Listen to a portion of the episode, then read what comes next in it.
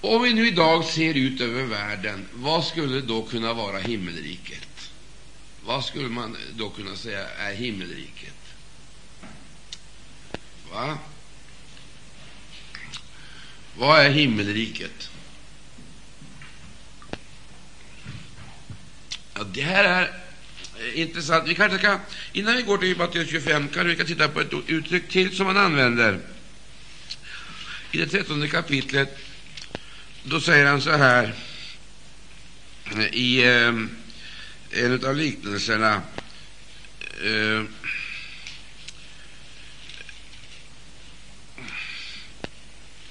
I den trettionde versen. 13 kapitel, 13 versen. Läs där.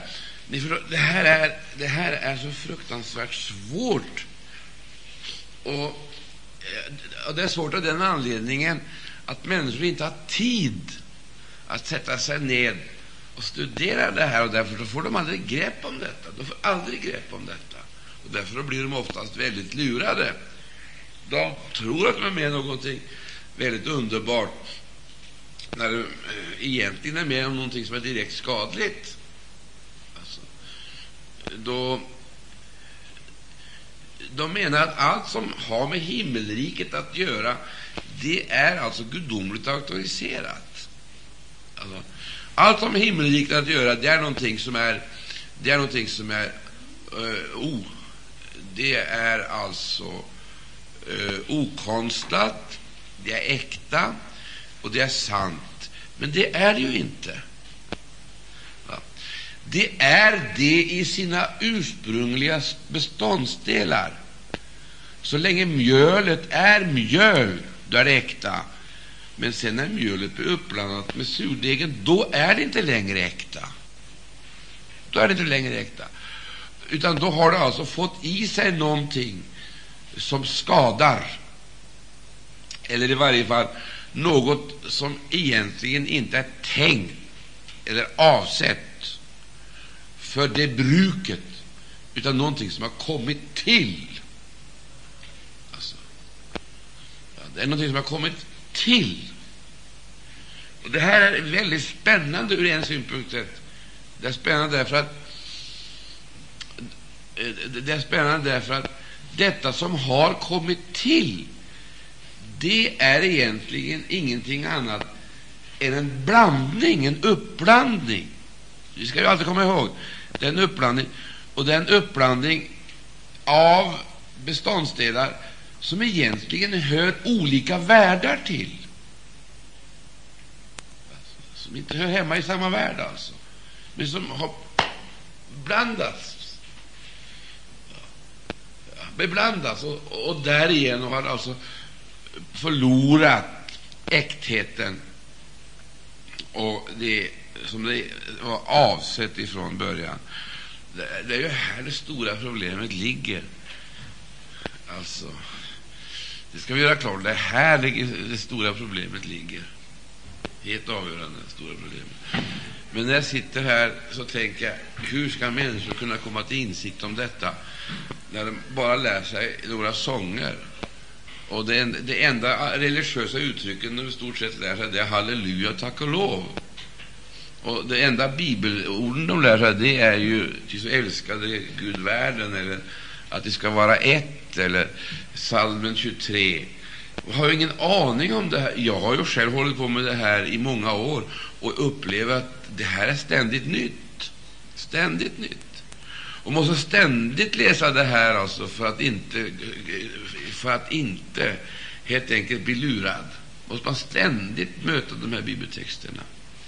Nå, I Matteus 13 där säger exempelvis Jesus i den trettionde versen, det, där sägs det Låt den båda slagen växa tillsammans intill skördetid. Lägg märke till växa. Alltså, låt båda slagen växa. Och Det här blir väldigt gripande och närgående.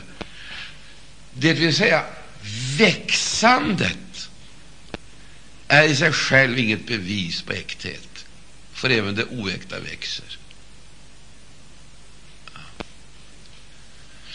Alltså, både det sanna och det falska växer. Så växandet är i sig själv egentligen inget bevis. Det är det inte. För vi säger så här, om det är liv så växer det, och så säger vi livet. Visst är det kolossalt många saker som lever. Men det faktum att det lever, det är inget bevis på äkthet. Det tycker jag är så oerhört skakande.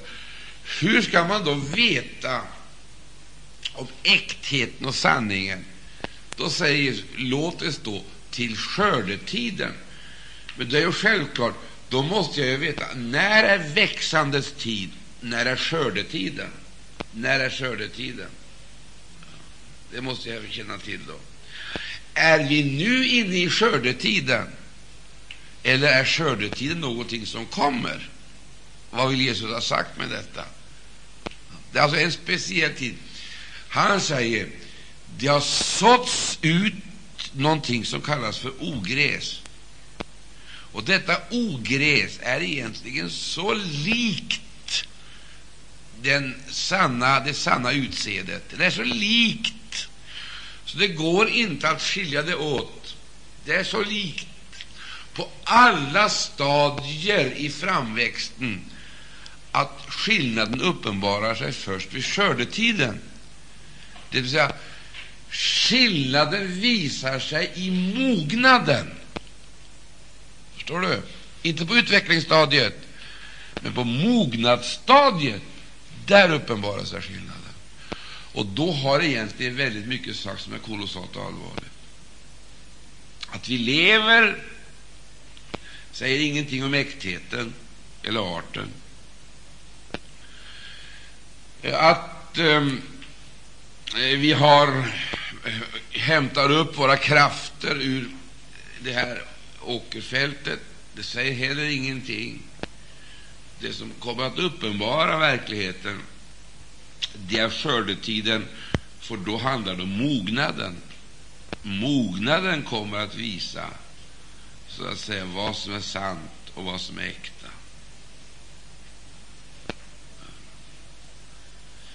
Och Då skulle jag vilja gå in på ett annat område, men jag kan inte gå längre, för att jag tror inte att vi mäktar med det här. För Jesu undervisning är, den är så oerhört djuplodande.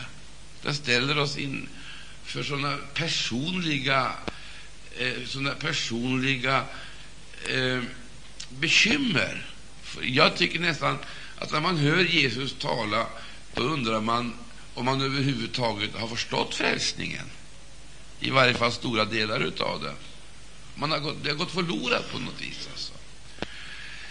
Men då säger han så här i den 30 versen, då säger, låt den båda slagen växa tillsammans intill skördetiden. Och när skördetiden är inne, då vill jag säga till skördemännen, alltså, samlen först tillhopa ogräset och binden det i knippen, knippor till att brännas upp och samlen sedan in vetet i min lada. Men det här är verkligen spännande.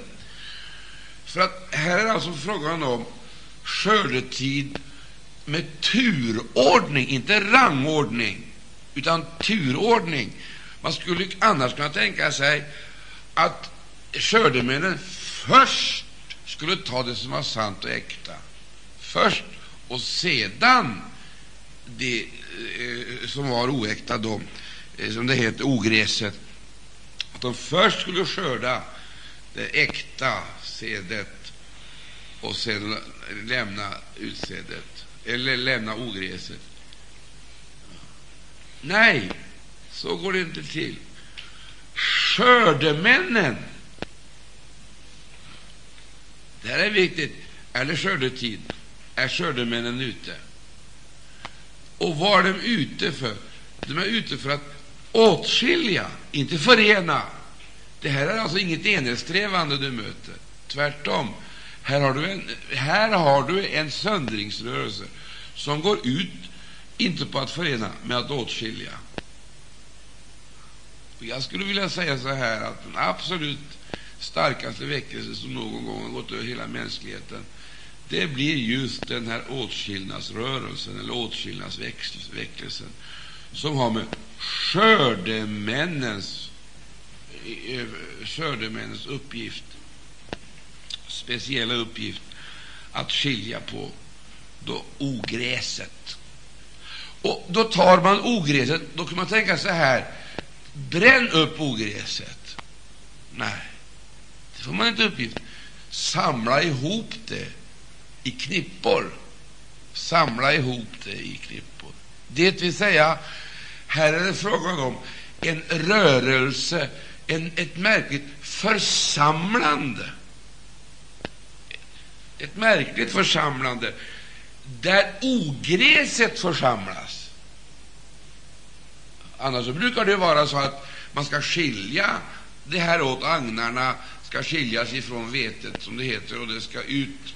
Men här är det för att samla in då detta ogräs. Och av detta ogräs ska man göra knippor, partiknippor. Där har du organisationerna.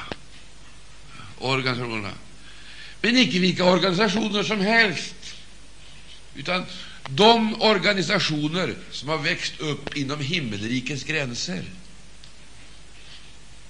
Det är det vi måste göra klart för oss.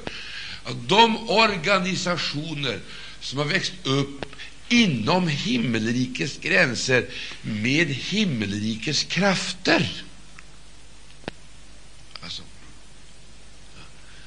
Nu börjar det klarna, inte sant? Nu börjar vi förstå saker och ting.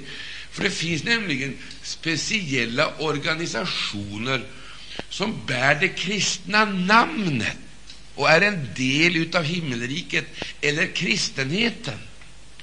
Men de är egentligen ingenting annat än organisationer, och de slutar alltså i detta. De växer upp de växer upp inom det vi skulle kunna kalla för kristenhetens gränser, och de växer upp eh, med den näring som kristendomen så att säga förmedlar, eller ger dem den näring. Vilken näring? De växer upp med ordens näring, med, med, med, med, med Guds ord. De har den näringen växer upp med den näringen eh, på den jorden och utvecklar naturligtvis utvecklas i överensstämmelse med sin art och blir det som eh, då arten naturligtvis bestämmer. Partiknipporna här, det är alltså organisationerna. Vilka organisationer? Jo, det förfärliga är ju att vi har ju lärt, lärt oss att kalla de här kristna organisationerna för Guds församling. Och Det är många rörelser, alltså, organisationer, som har sådana etiketter och epitet. De kallas för församling. Och bara man är med i en sån församling, eller eh, eh, vi ska inte använda uttrycket församling, utan en sån kyrka, då är man alltså en kristen. Som kristen är jag med där eller där. Och det är ett vanligt tänkesätt och talesätt, men det är ju genomfalskt. Det är ju helt genomfalskt. För att i verkligheten är det så att man kan inte organisera Guds församling. Det är en omöjlighet. Och man kan heller aldrig bli medlem i Guds församling. Det är helt otänkbart. Man kan bli medlem i en kyrka, i en kristen organisation eller någonting sådant, men att detta skulle ha någonting med den kristna församlingen att göra, det har ju all anledning att ifrågasätta. Det kallar sig Philadelphia, det kallar sig någonting annat, baptistkyrka, det kallar sig någonting annat, eller det kan kalla sig Maranata. Alla de här organisationerna det är ingenting annat än partiknippen. De kommer att samlas ihop till till partiknippen förenas. De hör inom området. Och då jag talar inom området så måste det stå klart för oss att skillnaden här, det är ju kristenheten kontra kristendomen. Därför att kristenheten har alltså i sig fragment av kristendomen och ser så lika ut och ser också ut att vara kristendom ända fram till slutet. Själva mognaden, skördetiden, då markeras skillnaden på ett helt ödesdigert sätt.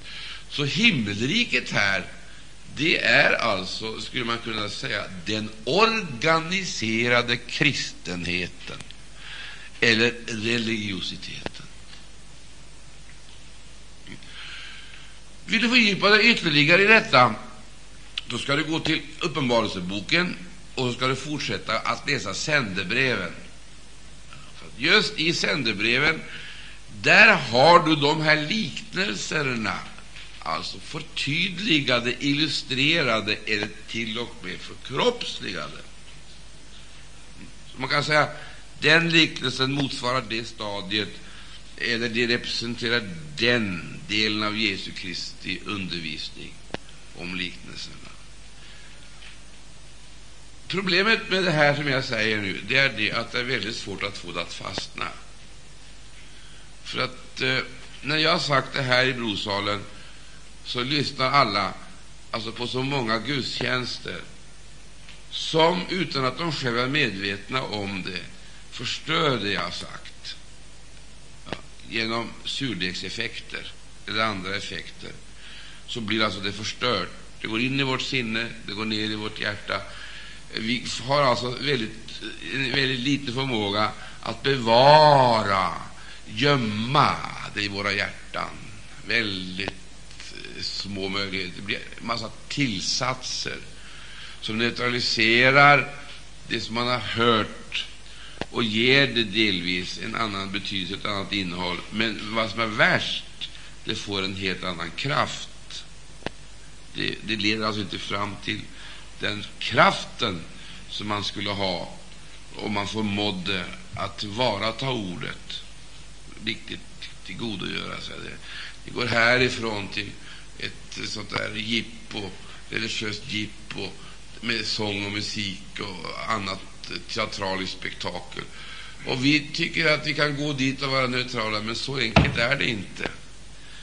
Det är någonting som avtrubbas inte i våra åsikter i första hand, vi kan bibehålla åsikter, men i vår tjänst. Vi förlorar smörjelsen i tjänsten, det vill säga i själva funktionen. Det är där problemet ligger. Vi blir alltså inte bara passiviserade, men vi blir faktiskt neutraliserade i själva funktionen. Vi förlorar skärpan och blir vanligtvis avrundade. Det finns ingen som tål mötet med det här eh, religiösa eh, spelet hur mycket som helst. Nå, nu har vi tittat på det här om partiknippen. Vi vet alltså, det, det, vi kan bara säga att det här är ingenting annat än ett partiknippe. Det här är ett partiknippe. När är skördetiden? Den är nu. Skördetiden är nu. Och varje, varje vecka så är det skördetid. Verklig, märklig skördetid, en prövningstid. Och där nu som det här ska ske, det ska inte ske i himmelen, nej, men det ska ske i himmelriket på jorden. Det där vi bedrar oss. Himmelriket är alltså i tiden på jorden. Vi går tillbaka till Matteus 25. Matteus 25 där säger ju Jesus i den första versen då skall, då. Ja, det är ett tidsadverb. Det är också en markerad tidpunkt. Vi läste om skördetiden. Alltså, det var en tidpunkt. Och, och, då, alltså vid den tidpunkten, här har vi också ett tidsadverb där Jesus markerar att detta ska ske vid en speciell tidpunkt. Vilken tidpunkt? Ja, det kan vi läsa om i det föregående kapitlet. Det ska ske då. Eh, kristenhetens andliga tillstånd kan alltså avläsas hos tjänarna. Alltså den andliga statusen det kan avläsas hos tjänarna. Det vill säga den grad eh, eh, det är frågan om det är frågan om ljumhet, eller att vara ljum eller vara kall, ljum eller varm. Det är frågan om grader. Sant? Vi kan ju alla vara i tjänst, men vi kan ju vara det på ett ljumt sätt. Sant? Vi kan ju alla vara kristna, men vi kan vara på ett ljumt sätt.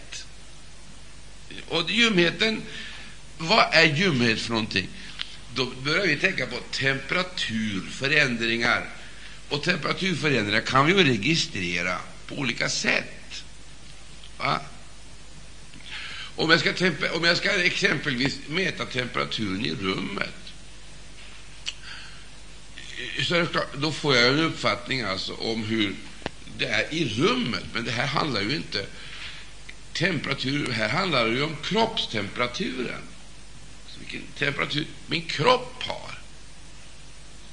Det är ju inte, det är alltså inte den yttre värmen eller yttre kylan, det som är omkring mig, utan det är ju det som jag, har, som jag själv representerar.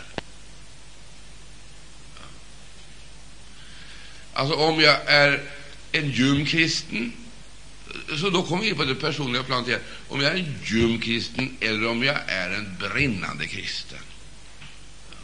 Och därför så heter det inte så här ni är vare sig, utan du är.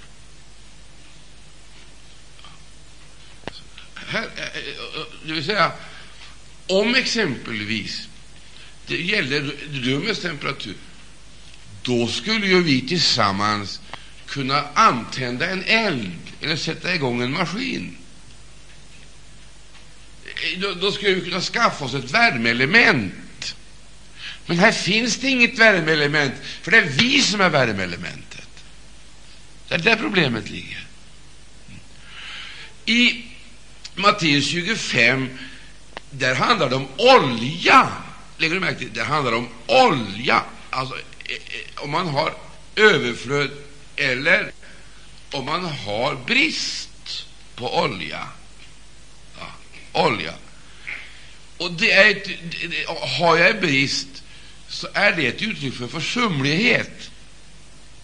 Ja, det är ett uttryck för försumlighet. Och detta uttryck för försumlighet, det har sin orsak i ljumhet. Det vill säga, ljumheten slår igenom i vårt sätt att vårda vårt andliga liv. Förstår du? Det är där problemet ligger. För, hör här på mig. Lyssna nu noga till vad jag säger. När vi är tillsammans i möten och så vidare, då upptäcks inte detta så särskilt bra eller så mycket. Därför att då är det så många andra som värmer oss. Det är så många som värmer oss. Då kan alltså värmen eller klimatet bestämmas av andra värmeelement. Men sen så kommer det situationer där jag är hänvisad till min egen värme, min egen inneboende värme. Jag har icke ett annat element som jag kan värma mig vid, eller en annan koleld där jag kan sätta mig ner och värma mig. Utan jag måste ha en så hög temperatur att jag kan fungera. Mm. Är temperaturen för låg, så innebär ju det att man har för låg energi. Och har man för låg energi, då mäktar man vanligtvis inte med. Eller så är det så här att då mäktar man vanligtvis inte med. Eller så är det så här att man överhuvudtaget inte upptäcker eller är intresserad av det man borde ägna sig åt, utan då ägnar man sig åt vanligtvis åt annat som man finner viktigare.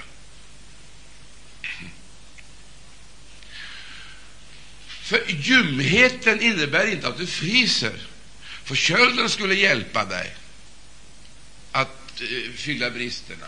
Men ljumheten innebär att du befinner dig i ett sådant mellantillstånd där du nästan trivs, där du inte vill ha några förändringar. Du vill inte ha några förändringar. Eh, du, du, du är i stort sett ganska nöjd. Du vill inte ha några förändringar. Du är nöjd, du, tycker det är bra som det är, och du skulle nästan vara färdig att säga tack och lov för att det är så bra som det är. Att jag har det så bra. Nu vill jag betona det här, betona det här en gång till. För här får jag sitta nu så länge jag lever och tala på det här viset. Så får jag väl hoppas att det finns andra som kommer att föra det vidare. Eh, eh, jag är ju nu i den åldern så att jag får nöja mig att lämna det till er. Så får ju ni göra med det här vad ni vill. Om ni nu då vill stänga in det här eller om ni vill skicka det vidare. Det här kommer ju naturligtvis att bestämma er framtid på ett helt förödande sätt. Det är väldigt farligt att komma till Brosalen och höra de här sakerna. För det medför ett fruktansvärt ansvar. Jag vill bara säga till var och en så är medveten om det. Kom ihåg en sak. Ljumheten förstår du, det är det farligaste tillstånd som överhuvudtaget existerar. För då strävar man inte efter radikala förändringar, utan då aktiverar man sig inom de områden där man redan är nöjd och tillfredsställd maximalt, så att man knappt hinner med någonting annat. är det viktigare. Jag ska ta ett konkret exempel. Om vi exempelvis har den här hjälpen att liksom hålla uppe värmen på den andra temperaturen på ett visst nivå, ja, då, då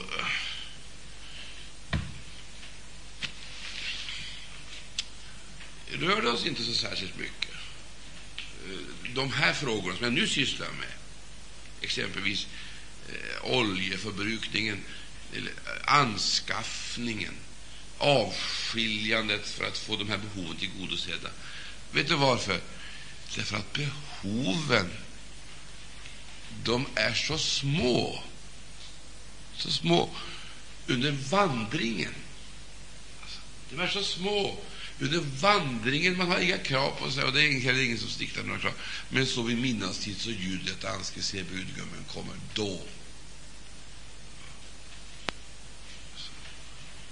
Det vill säga, man har aldrig konfronterats med de verkliga kraven.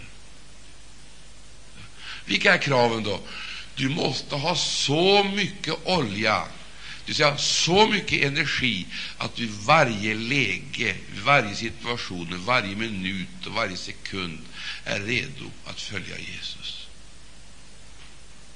Alltså, det är ett minimum i varje sekund vara redo att gå på kallelsen.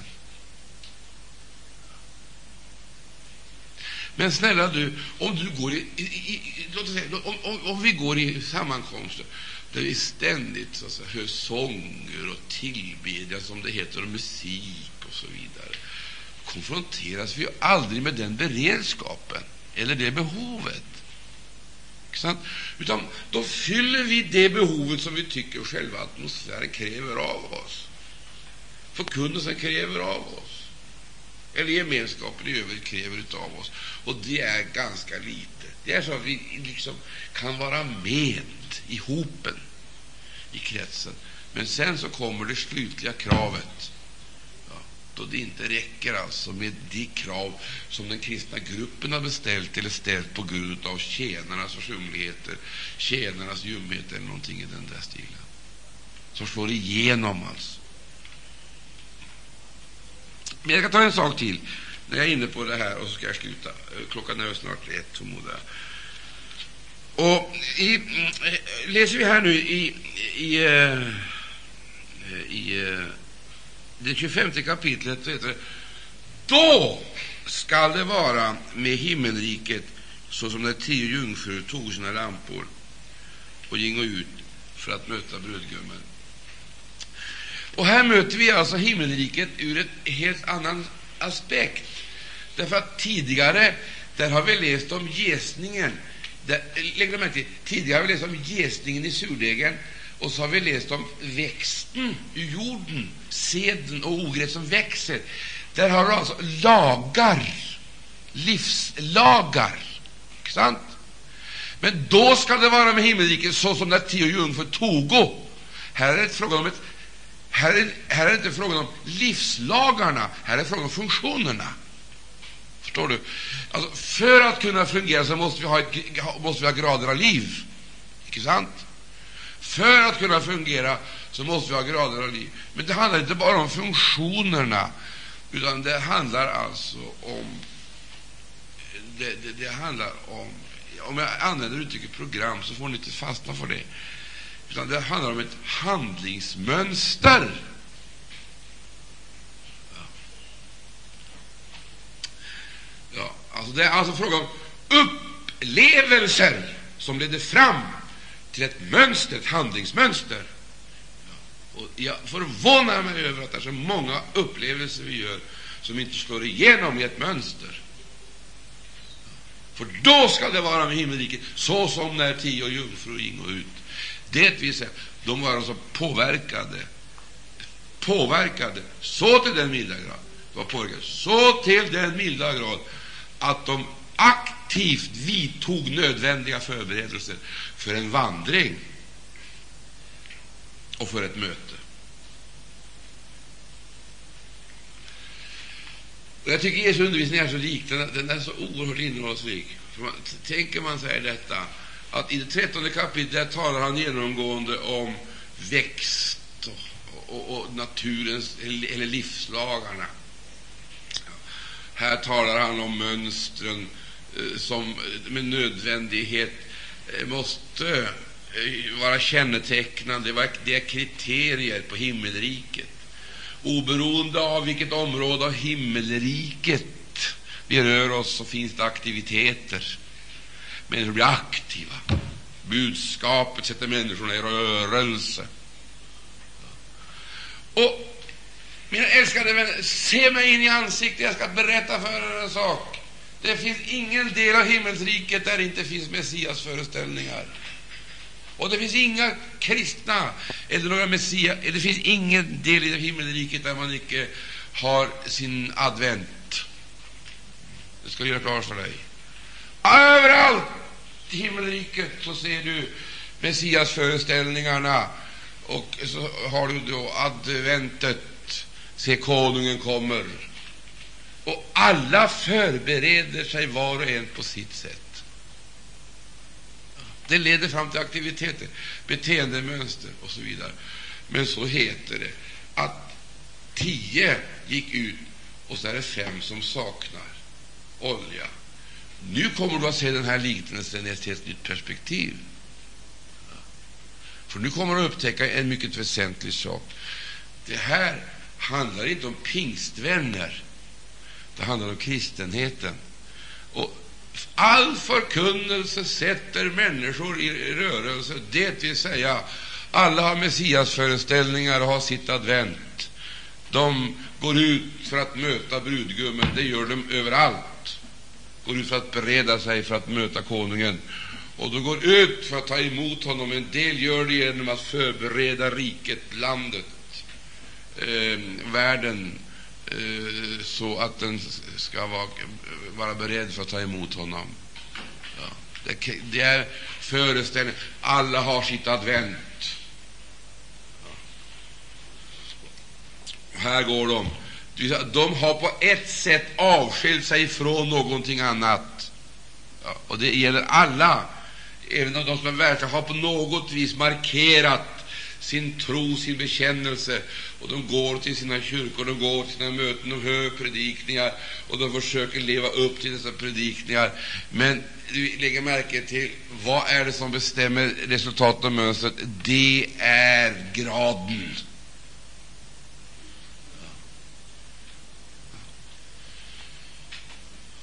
Ljum förkunnelse leder fram till ljumma resultat.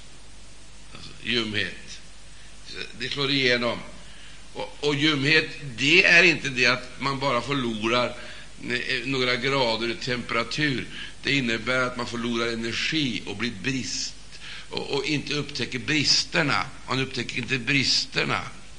Man upptäcker inte bristerna. För bristerna vi har de kommer till synes när vi börjar bedja riktigt ordentligt. Då upptäcker vi bristerna. Då vi var och börjar personligen umgås med Herren Jesus Kristus, då upptäcker vi bristerna. Då vi umgås med Ordet, då upptäcker vi bristerna. Men så länge vi lever i en miljö utav underhållning, möten som består i exempelvis sociala, filantropiska eller andra insatser, intellektuella eller kulturella, ekonomiska insatser, allt som rör sig element inom tiden, så kommer de här bristerna aldrig att bli uppenbara, aldrig att avslöjas. Aldrig. Det vill kraven blir för låga. Blir alldeles för låga. Men kraven ska, de, de ska bli så intensiva så, och så höga så att vi varje gång vi kommer till ett möte påminner om Jesu tillkommelse på ett så påtagligt sätt att vi upptäcker bristen om vi har någon.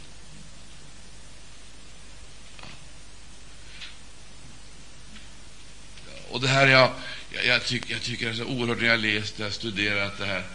Därför att vi, vi, vi rycker loss de här texterna och tycker att de väl passar möjligen andra, så förstår vi inte att här är frågan om en helhet, ett sammanhang som vi har del i. Vi står på en och samma åker i stort sett. Vi är föremål för ett handlande. Skördemännen kommer och det ska bärgas in. En del bärgas till de himmelska ladorna, en del blir partiknippen som står på fälten för att överlämnas åt elden. Jag ska säga en sak. Mitt hjärta skriker efter att få komma in i, det här, i den här innerliga tjänsten. Och jag skulle önska att vi fick riktiga bönemöten, där vi allihop fick gå in för honom riktigt pröva oss. Eh, vi, vi är aktiva, vi är på vandring. Vi har ett och annat som är bra, men frågan är, räcker det? Når det innanför?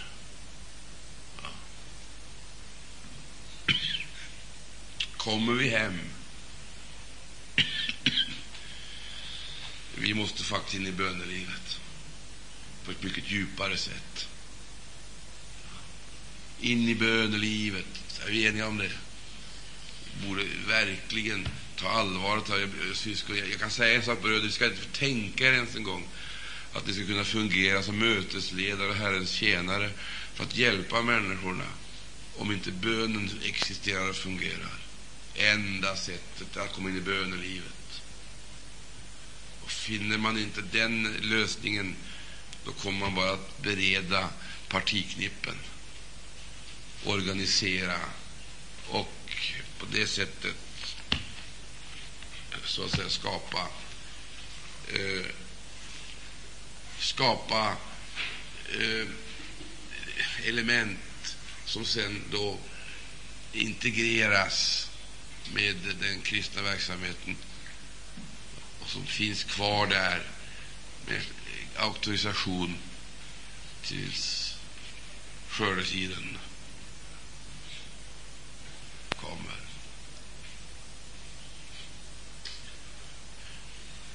Då måste ni medge att det är allvarligt, väldigt skakande. Så därför, när Jesus talar om det här himmelriket, och så, han talar i liknelser, Vet du varför han gör det? Det fanns ingen anledning att tala om himmelrikets angelägenheter för människor som inte ville gå längre, längre än man vanligtvis gjorde i en skola. I en skola kan man, man kan gå in i en skola för att lära sig läsa, skriva eller lära sig vissa saker. Men Jesus, han gjorde klart för sina lärjungar att den som vill känna himmelrikets eh, hemligheter måste gå längre än till den här vanliga, den här vanliga metod, inlärningsmetoden. Han måste bli en forskare och riktigt viga sig åt detta för att tränga in i dess hemligheter. Jag ska säga en sak, ungdomar. Ni ska inte tro att ni kommer att överleva som kristna om ni inte kommer in i bönen. Ni måste bli döpta i den heliga Ande. Det finns ingen annan väg. Ni måste bli döpta i den heliga Ande och få överflödslivet i Gud. Det måste allesammans vara med om. Både barn och ungdom och äldre måste få vara med om den här uppfyllelsen så att inte vi sänker krav och säger att det är lika bra. De är i alla fall med på vägen. Ja, men snälla tider, det är inte riktigt att de är med på vägen. De ska väl också in genom porten. Vi måste ha den kraft som kan lyfta oss då Jesus kommer. Halleluja, vi tackar dig Jesus för seger. Vi lovar dig för seger. Tack att du är den Herre Jesus som verkar, och du verkar i oss, vilja och gärning. Förhärligar dig därigenom i våra liv för ditt namns skull. Amen. Amen.